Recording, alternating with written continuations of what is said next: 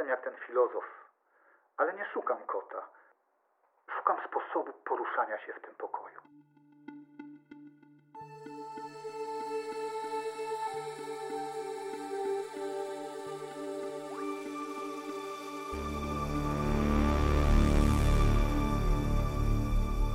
Pogawędnik filozoficzny. Witamy na kolejnym podcaście filozoficznym. Pogawędnik filozoficzny. Marcin Zdremka. Dzisiaj moim gościem jest Adam Korzus. student filozofii Instytutu Filozofii Uniwersytetu Mikołaja Kopernika. Tak, dzień dobry. Na którym roku? Na pierwszym roku drugiego stopnia. Czyli według starej nomenklatury na roku czwartym. Tak. Dobrze. Celem naszego dzisiejszego spotkania jest, y, no właśnie, podzielenie się doświad- doświadczeniem studenta w filozofii z Torunia. Jak to jest studiować filozofię w Toruniu? Znakomicie, polecam wszystkim. Dobrze, i to po reklamie już, tak? Dziękujemy bardzo. Nie, ale tak po- porozmawiajmy szczerze, bo tutaj jest kilka pułapek. Kiedy zapowiadałem spotkanie z Tobą, to zwróciłem uwagę, że jesteś studentem specjalnego rodzaju, o czym powiemy za moment. Zostawmy to sobie na koniec. Jesteś człowiekiem doświadczonym, ale tak już może bez owijania w bawełnę i też bez niepotrzebnego słodzenia. Powiedz nam coś konkretnego o studiowaniu filozofii w Toruniu. Po pierwsze, fascynujący kierunek. Po drugie, znakomita uczelnia. Po trzecie, ym, fantastyczni wykładowcy. To chyba najlepsze, co można powiedzieć. No ale wiesz, że program słuchalność popsujesz, jak tak będziesz. Wszyscy pomyślą, że to jest sponsorowane. Ale to nie jest sponsorowane, ja tak to właśnie odczuwam. Tak jak wspomniałeś wcześniej, jestem ym, troszeczkę innym studentem y, niż reszta zaczynających studia. Y, ym, Zacznijmy od tego, że pozwolę się Państwu bliżej przedstawić. Mianowicie zacząłem studia dosyć późno, znaczy studia filozoficzne, ym, mianowicie w wieku 46 lat.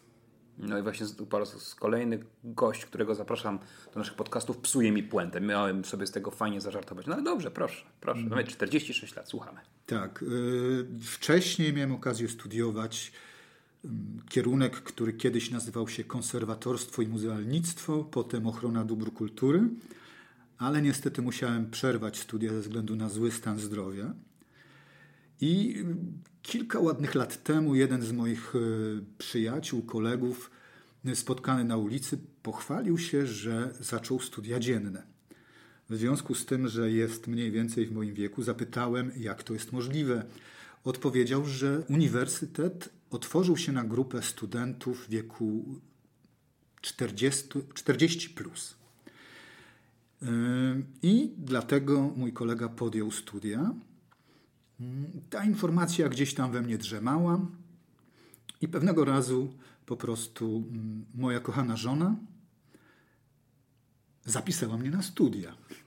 Jak kiedyś mamy zapisywały na studia swoich nieogarniętych synków, tak? Czy, czy nieogarnięte córki, to teraz żona. Tak to właśnie było. Mm, Oboje zapisaliśmy się wówczas na studia dzienne.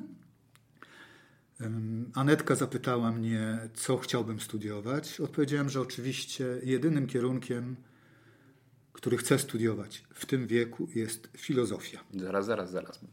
Jedna z naszych rozmów jest e, rozmową z teologiem. Tak mi przyszło do głowy, nie myślałeś może w tym kierunku. Nie, żebym namawiał cię do, nie chcę powiedzieć tego błędu, ale e, no, na stole leży kilka ofert bardzo modnych kierunków. Zostawmy może nawet samą teologię. Dlaczego nie kognitywistyka, psychologia, socjologia? Y, Już odpowiadam. Y, Do filozofii doszedłem bardzo, bardzo późno. I doszedłem właśnie przez teologię. A to ciekawe. Tak. Bardzo interesowałem się teologią, sporo czytałem i w pewnym momencie, będąc już no, daleki od wieku studenckiego, y, trafiłem na filozofa Sorena Kierkegaarda. Kierkegaarda. Tu nie będziemy się tak. spierać, bo to chyba nikt nie wie, Ja- jak to nazwisko wymówić. Tak.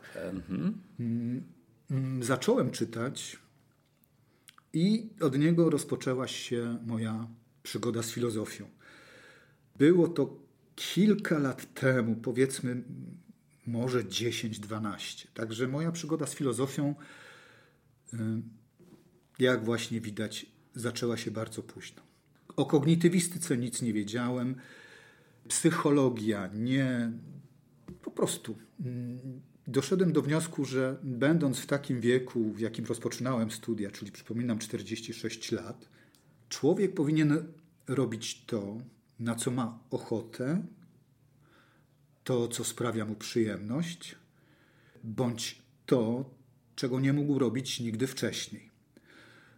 W związku z tym, że pracuję w domu, mam taką swoją mini działalność, działalność tak, mogłem sobie pozwolić na studiowanie dzienne. Nie przeszkadzało mi to w żaden sposób w pracy. No i tak właśnie w roku 2015 rozpocząłem studia.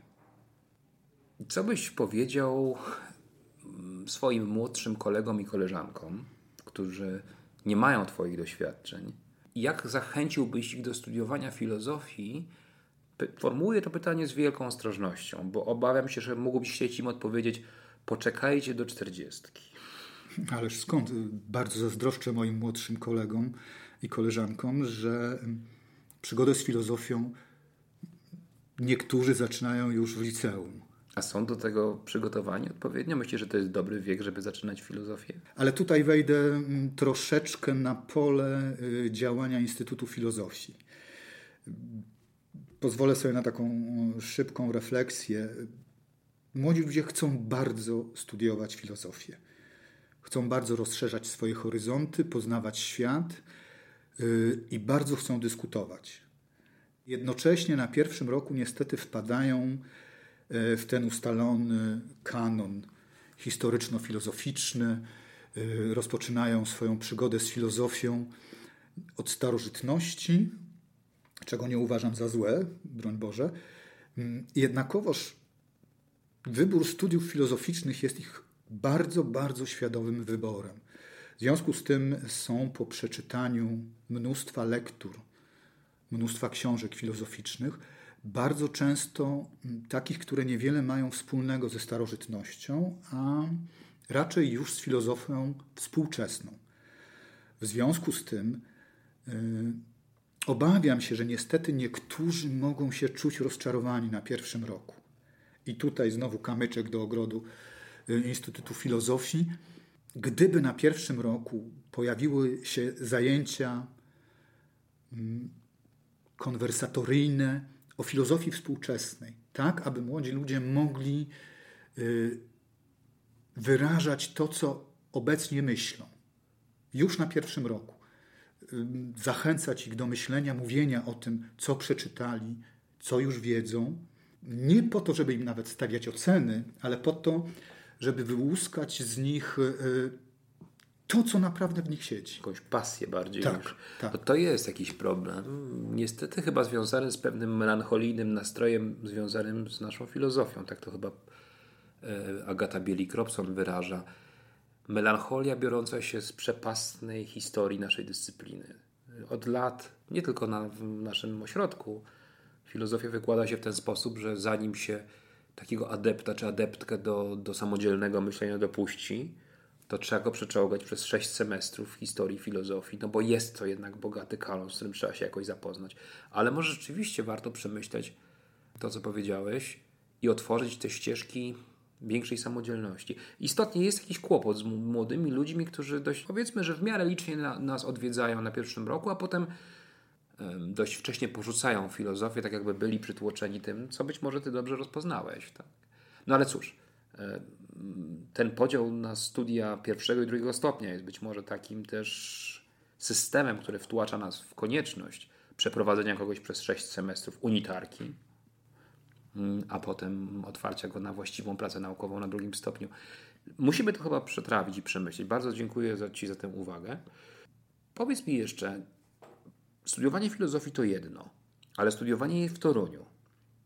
Ty jesteś torunianinem z dziada, pradziada, tak, tak mogę od, powiedzieć? Tak, od kilku pokoleń, tak. I tutaj jesteśmy chyba winni naszym słuchaczom pewne wyjaśnienie, bo osoby, które w Toruniu nie mieszkają, mogą nie wiedzieć, że nasze miasto ma bardzo bogatą tradycję i za takie uchodzi, ma bardzo długą historię.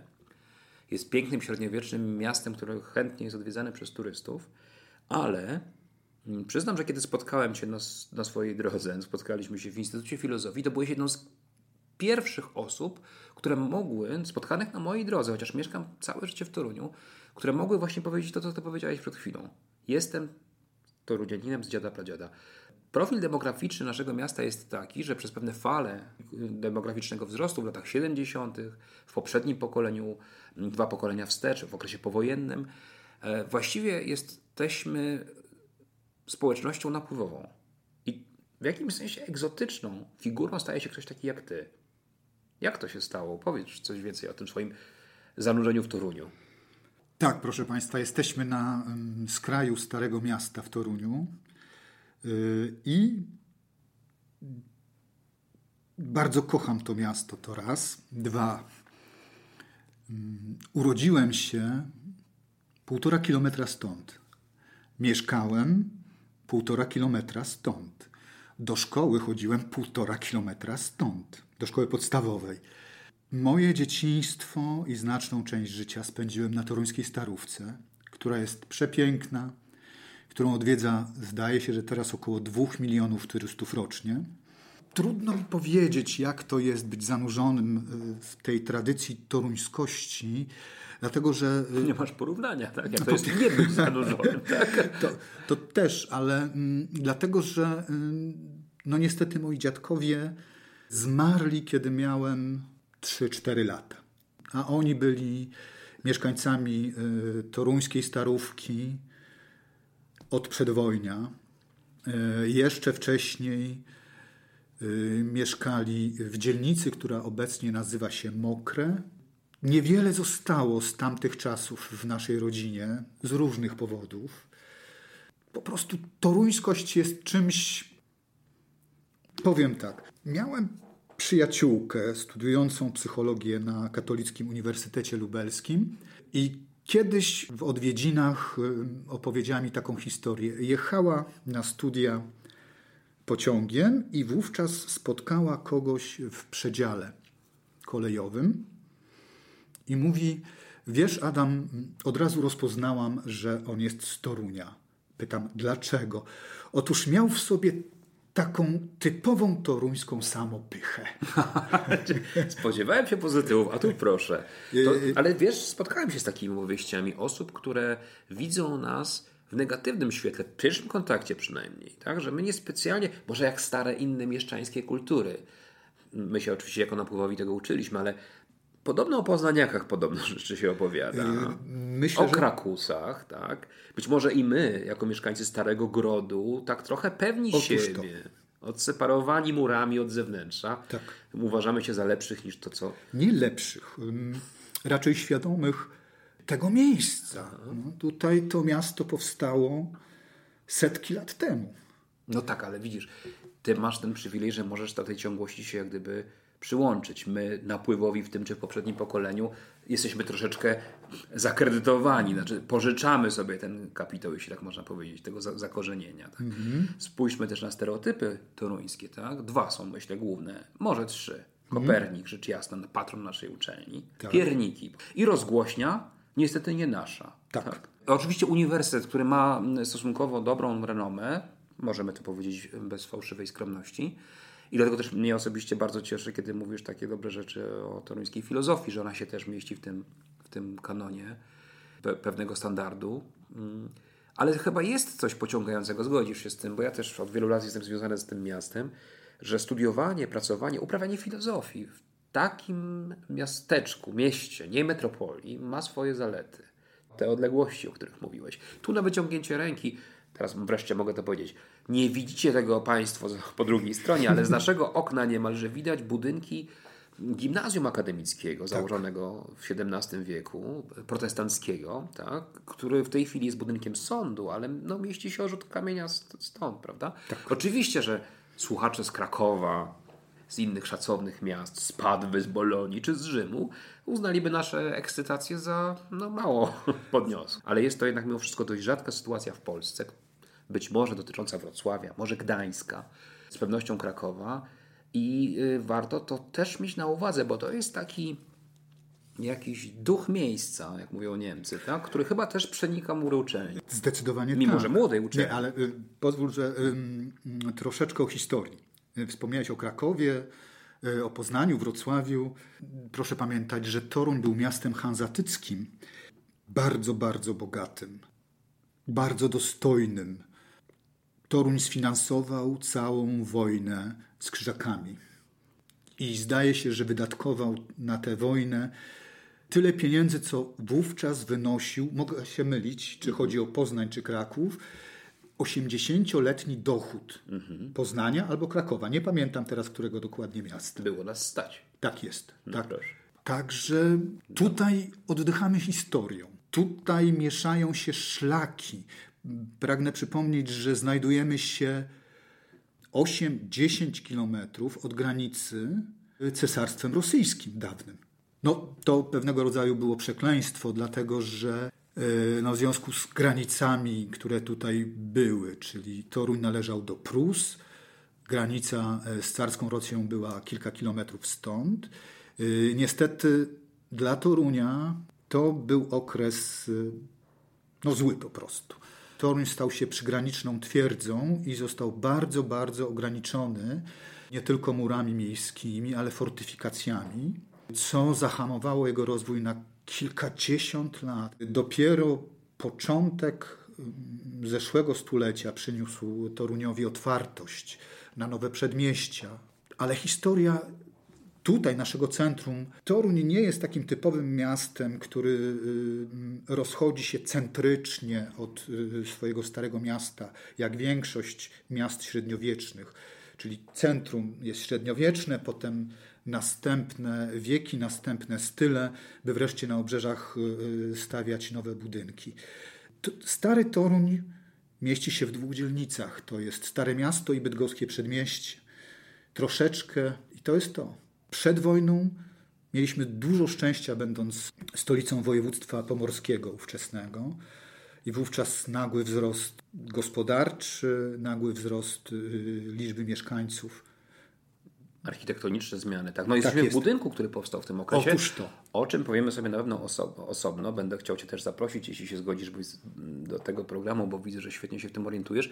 Chcemy poprosić też mm, znajomych absolwentów filozofii, a jednocześnie biegłych przewodników turystycznych, żeby powiedzieli nam o mm, trzech siedzibach Instytutu y, Filozofii, do tej pory trzech. Każda z nich zasługuje na uwagę i na osobne potraktowanie. Z pewnością poświęcimy temu osobny podcast, ale bardzo Ci dziękuję też za to uchwycenie tego, tego ducha, bo jeśli się mieszka tutaj niby od dzieciństwa, ale pamięć rodzinna sięga innych regionów Polski, no to jesteśmy niemalże skazani na to zanurzenie się w tej atmosferze miasta, która jest rzeczywiście jest urzekająca i jako miejsce do pracy naukowej, filozoficznej czy do studiowania uważam być wymarzona. Myślę, że trudno znaleźć inne takie, takie miejsca w Polsce może nawet, tak bym zaryzykował. No tak, to bierze się y, przede wszystkim z wielkości naszego miasta, a jednocześnie wielkości samego uniwersytetu. W czasie roku akademickiego co dziesiąty, dziewiąty mieszkaniec Torunia jest studentem. To prawda, to prawda. Bodajże Lublin wyprzedza nas tylko z tymi proporcjami, no ale tylko dlatego, że tam od dawna funkcjonowały dwie konkurencyjne uczelnie, plus jeszcze Uniwersytet Przyrodniczy, więc w tym sensie ta młodość, prężność, akademickość Lublina być może może dorównuje nam i, i, i być może przewyższa te proporcje. Dziękuję bardzo za tę wycieczkę historyczną. Chciałbym jednak zapytać Cię jeszcze jedne, jedną delikatną sprawę. Pozwól, mm, że się zwrócę do Ciebie z tym pytaniem. No jesteśmy na drugim piętrze harmonijki. Tak. To jest jakaś przeszkoda, która może nie, na pierwszy rzut oka w ogóle nie być widoczna dla Ciebie, tak? Tak dla z jakiego powodu? Y, Wyjaśnijmy może, przepraszam, bo powiedziałem harmonijki, uznając, że wszyscy wiedzą o co chodzi. Nasz budynek jest tak pieszczotliwie i, i powszechnie w Toruniu nazywany, bo przypomina harmonię albo organy, Akordeon, akordeon. Będziemy o tym jeszcze osobno mówić. Natomiast my mówimy tak na nasz instytut, harmonijka. Jesteśmy więc na drugim piętrze siedziby Instytutu Filozofii przy ulicy Fosa Staromiejska 1A. Ale wróćmy do pytania. Dlaczego musiałem tak długo na Ciebie czekać na tym drugim piętrze, kiedy się umówiliśmy na to spotkanie? y, dlatego, że mm, krótko mówiąc, jestem tak zwaną osobą niepełnosprawną. Poruszam się o kulach, chodzę wolno, mam problemy z poruszaniem się po prostu. I dlatego ciężko jest wchodzić po tych kilkudziesięcioletnich schodach na tak. drugie piętro. I skądinąd wiem, że mm, niestety trudno jest mm, zbudować tu windę we wnętrzu tego budynku, dlatego że jest to budynek zabytkowy. I bardzo trudno jest w związku z tym uzyskać zgodę od konserwatora zabytków na budowę w jego wnętrzu windy. To prawda, borykamy się z tym od kilku lat, i, ale wygląda na to, że to się w najbliższym czasie zmieni i że być może będziemy mogli się użyć w sam raz na obronę pracy magisterskiej, może w przyszłym roku, tak? może, trochę, może trochę wcześniej. A, ale przepraszam, jeśli nie chcesz tego wątku rozwijać, zrozumiem.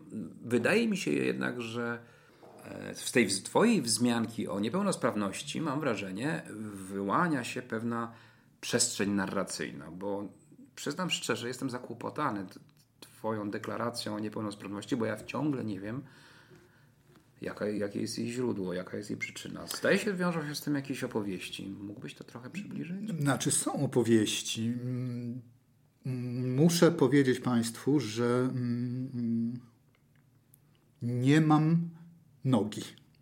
Innymi słowy, po prostu mam e, amputowaną lewą nogę, to bardzo ważne. Proszę zwrócić uwagę, że większość osób, które Państwo spotykają, a które mają amputowane nogi, nie mają lewej nogi. To jest jakaś prawidłowość? Nie wiem, ale zwróćcie na to Państwo uwagę. Jeżeli nie mają prawej nogi, to znaczy, że amputowano im złą nogę po prostu. Rozumiem. Spodziewałem się jakiegoś cynicznego, filozoficznego kontekstu tej opowieści, ale to chyba nie koniec. Nie, nie, nie. Zechciałbyś się podzielić opowieścią, jak do tego doszło, jeśli to nie jest zbyt trudne dla Ciebie? Moja niepełnosprawność ma dwie warstwy, niczym ta osławiona cebula Szreka. Jest niepełnosprawność ukryta i niepełnosprawność widoczna. Ta widoczna to właśnie jest brak nogi. I y, Marcin pozwolił mi opowiedzieć pewną historię, mianowicie to też obrazuje pewien mój stosunek do niepełnosprawności. Otóż kilka dni po amputacji wyszedłem na swój pierwszy spacer mm, dookoła szpitala. Y, było słonecznie, usiadłem na ławce i po chwili obok mnie pojawił się bardzo, bardzo zmęczony życiowo mm, człowiek. Wyglądał na staranego życiem, pobitego w nocy, człowieka, który od dłuższego czasu nadużywał alkoholu. Siedząc obok mnie, przyglądał się Kikutowi i zapytał, co się stało. Odpowiedziałem, że jestem taternikiem, chodziłem po górach i nieszczęśliwie odpadłem od ściany. Miałem otwarte złamanie i przez to otwarte złamanie wyczuł krew będący w pobliżu niedźwiedź.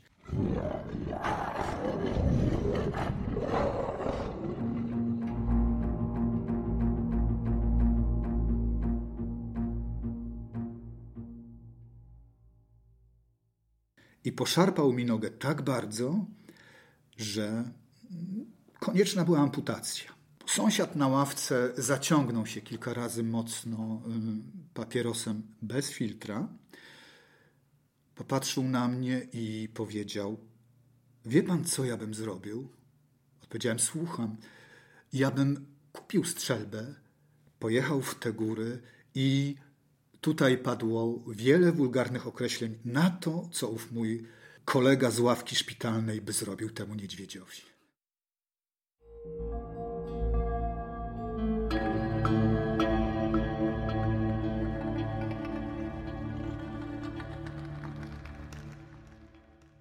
Gdybyś mnie zapytał o moje ulubione przedmioty.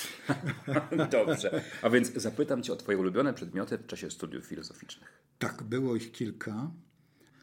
Y, najbliższa jest mi, jest mi przedmiot o nazwie filozofia jako sposób życia. Następnie antropologia, filozofia egzystencjalna, no i filozofia samotności.